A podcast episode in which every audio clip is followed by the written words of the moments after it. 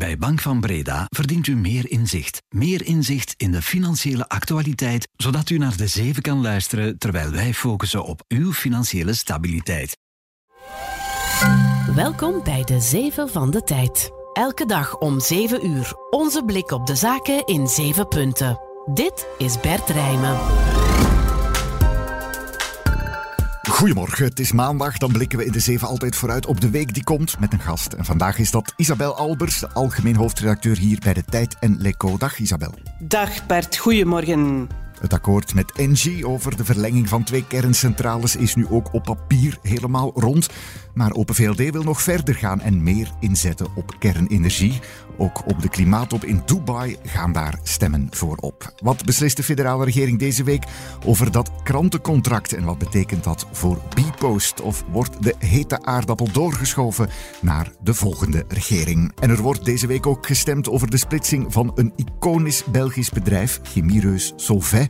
En dinsdag komen we te weten wie de onderneming van het jaar wordt. We blikken alles vooruit op de genomineerden. Het is maandag 4 december. Welkom.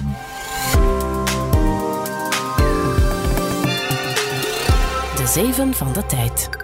1. En de deal is helemaal rond, collega. Helemaal rond. Dat is nieuw. De- dat is nieuw. Dat is nieuw. Vanaf, ja, dus maandag eh, beginnen de politieke besprekingen ehm, en wordt het eh, verder toegelicht eh, op politiek niveau om dan de week nadien eh, goedgekeurd te worden door de regering, opgestuurd te worden naar de Raad van State, zodat we helemaal op schema zitten. De deal met Engie over het langer openhouden van de twee Belgische kernreactoren is helemaal rond, heeft federaal minister van Energie Tine van der Straten gisteren gezegd in de zevende dag.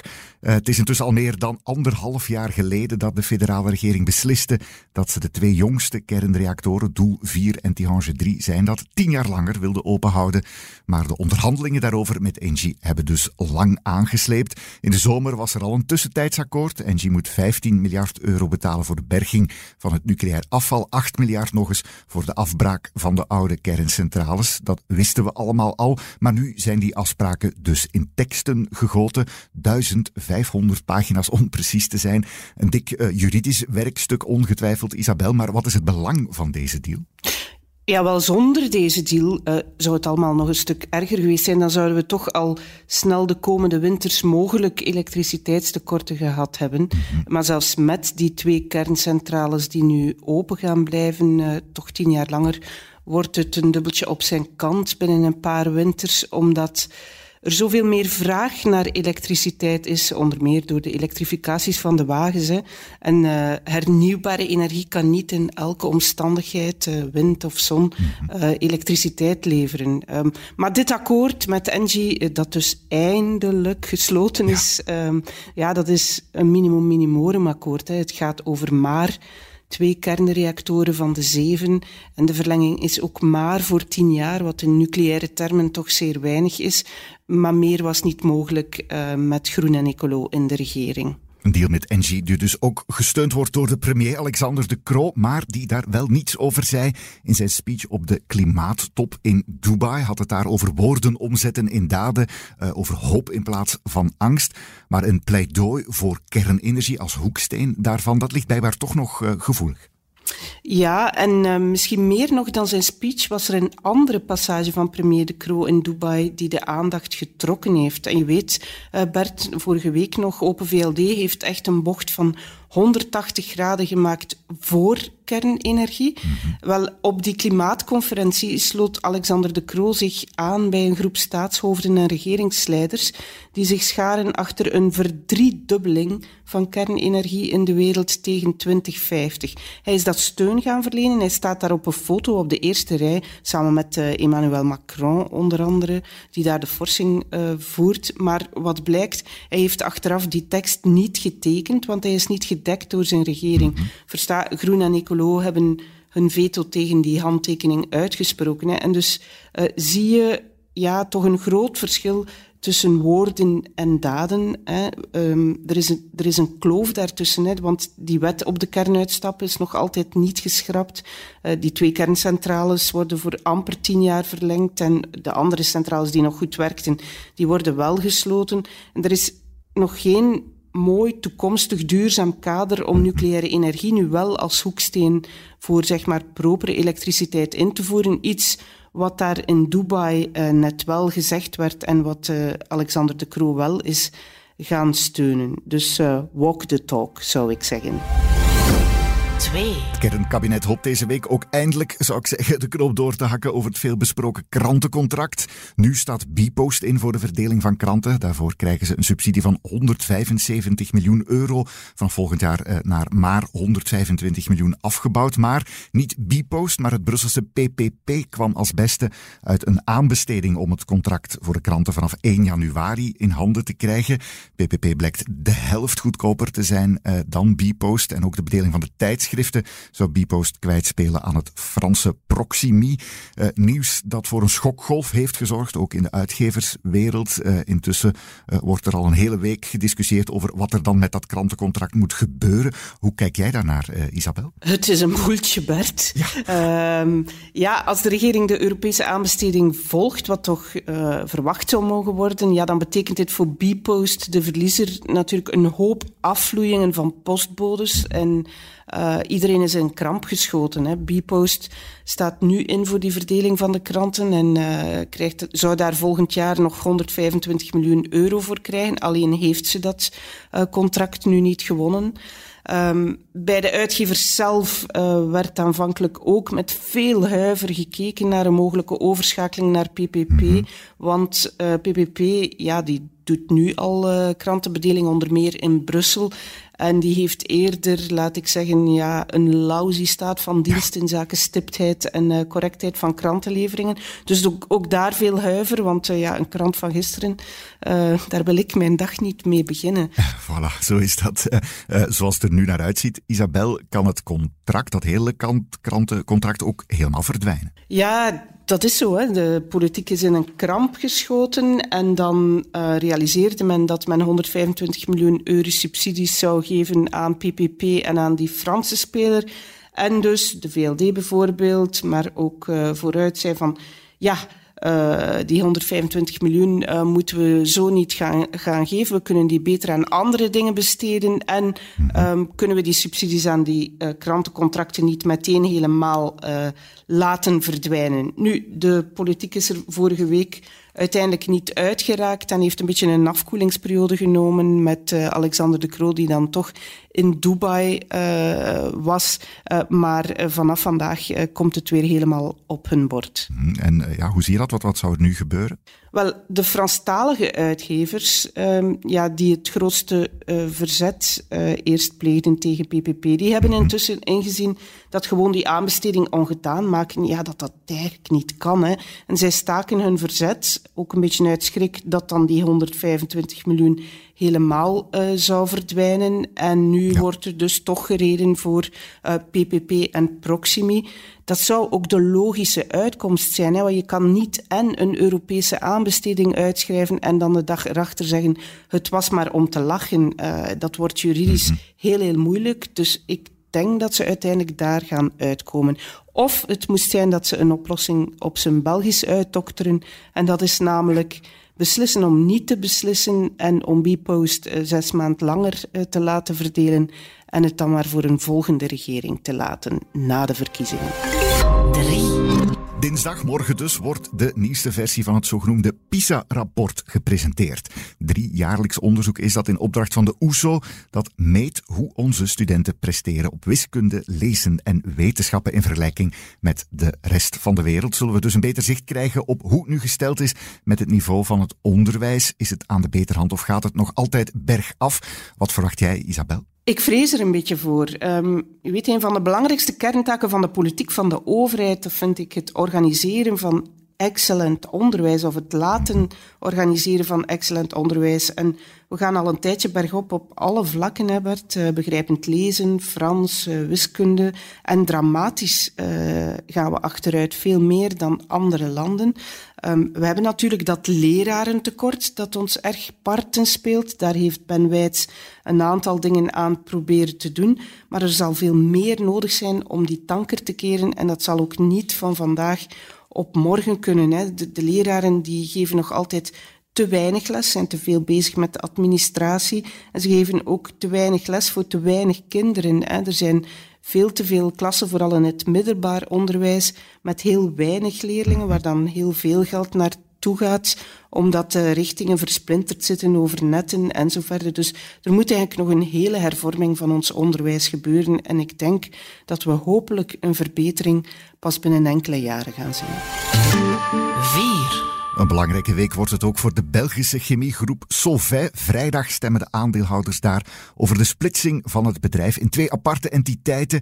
Enerzijds de basischemie, zeg maar, traditionele activiteiten zoals soda, waterstofperoxide en ook lijm. Die tak zal de naam Solvay blijven dragen. En anderzijds het nieuwe ScienceCo, uh, de tak met groeiactiviteiten, meer innovatie, uh, kunststoffen voor elektronica bijvoorbeeld, maar uh, en vooral heel belangrijk, herlaadbare batterijen ook. Historisch moment Isabel, daar die splitsing van uh, Solvay. Hoe kijk jij daarnaar? Het is zeker een historisch moment. Solvay, dat is toch echt een monument van een industrieel bedrijf in België. Hè? Een internationale parel ook. Mm -hmm. um, vorig jaar goed voor uh, meer dan 13 miljard euro omzet. 24.000 medewerkers. Uh, zitten in meer dan 60 landen. Gesticht door de illustre Ernest Solvay. Ja. Bestaat bijna 160 jaar. En daar komt ja, nu toch een einde aan in zijn huidige vorm uh, met die opsplitsing. Dus ja, zeker historisch. De splitsing uh, die is daar voorbereid door de CEO, Iram Kadri, de topvrouw. En die heeft dat goed gedaan en daar krijgt ze ook een bonus voor. Een bonus van 12 miljoen euro, Isabel, waar toch wel wat uh, ja, controverse over was. Ja, dat klopt. Bij een paar aandeelhouders is daar uh, niet zo'n grote tevredenheid over. Maar de verwachting is eigenlijk dat die splitsing vlotjes wordt goedgekeurd. En ook die bonus, want uh, de familie Solvay en de vele erfgenamen ervan, die bezitten ruim 30 procent en die staan achter de splitsing en ook achter die bonus. Uh, ze heeft die hele moeilijke klus kunnen klaren van zo'n splitsing. Afwachten hoe die uitdraait, maar uh, volgens de aandeelhouders, toch in ieder geval de erfgenamen al, mag ze daar rijkelijk voor beloond worden. En we zullen zien wat het vrijdag wordt. safe. Ook op macro-economisch niveau is het uitkijken naar vrijdag, want dan publiceert het Amerikaanse ministerie van Arbeid zijn maandelijkse jobrapport. In Amerika was de arbeidsmarkt al erg oververhit, veel meer vacatures dan er werklozen zijn. Laatste maanden is dat een beetje aan het afkoelen, maar de krapte is zeker nog niet weg. Vandaag of vrijdag beter krijgen we een update van die cijfers. Wat betekent dat nu voor het beleid van de Fed, de Amerikaanse centrale bank? Die heeft namelijk twee doelstellingen: maximale werkgelegenheid enerzijds, maar ook die inflatie terugdringen naar 2 procent.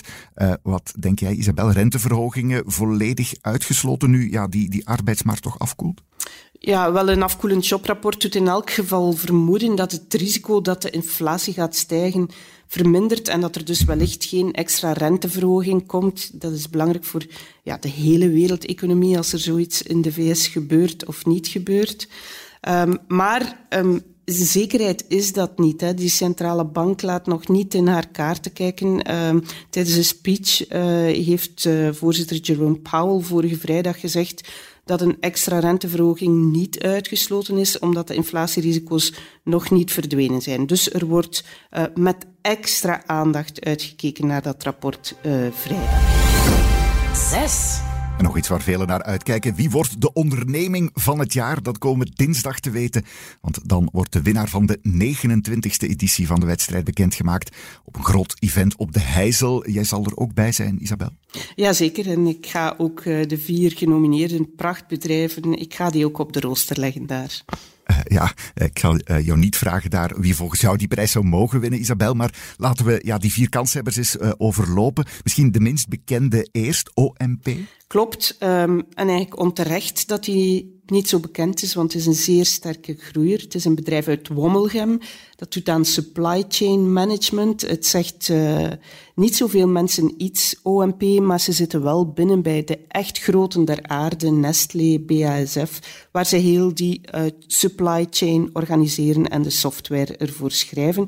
En niet onbelangrijk, Bert, geleid door een vrouw al jarenlang, ah. Anita van Loveren. Die gaan we dus ook leren kennen. Ja, en ook uh, bij de volgende staat er een vrouw, denk ik, mee aan het roer. Spaas, uh, heel uh, of bekendere naam van de kaarsen. Natuurlijk geleid door een broer en een zus. Ja, geleid door Ben en Sarah Spaas. en wat daar straf is, dat je met een kaars als product, eh, tot voor enkele jaren waar ze quasi helemaal um, hadden ze quasi helemaal de kerk als uh, afzetmarkt, niet meteen de grote groeimarkt zou ik zeggen. Hoe je jezelf kan heruitvinden hè, met een kaars. En het lijkt wel alsof Spaas dat concept cozy heeft uitgevonden. Ze hebben geurkaarsen, kaarsen in alle vormen en kleuren, kaarsen als elementen in een heel interieurconcept. En ze voeren dat ook uh, succesvol uit naar verschillende landen. Dus uh, dat is ook een hele mooie, geurende uh, kanshebber. Gezelligheid troef. Oh, voilà. een, een heel andere sector dan de derde genomineerde, Isabel van Moer Logistics. Ja, Van Moer Logistics. En dat is een uh, fantastische story van uh, Rise and Fall and Rise. Uh, jo van Moer, ooit begonnen eigenlijk als vrachtwagenchauffeur, maar hij zag het uh, snel groot en is snel aan schaalvergroting uh, beginnen doen. Uh, zo snel dat hij in de kredietcrisis bijna failliet ging. maar hij heeft het toch overleefd en heeft nu een bedrijf met 2000 werknemers uitgebouwd. Um, ja, samen met zijn vrouw, echt een ondernemerskoppel. Uh, met de voeten op de grond uh, en ook een, een heel mooi bedrijf. Ja, en dan last but not least zou ik zeggen, Willy Nasus groep. Ja, uh, weinig introductie nodig, denk ik. Ja, de figuur Willy Nasus zelf heeft zeer weinig introductie nodig, uh, denk ik. Toch wie regelmatig uh, naar het programma The Sky is the Limit uh, kijkt en met zijn fameuze Marie-Jeanne-kreet heeft hij um, in Vlaanderen grote bekendheid geworven.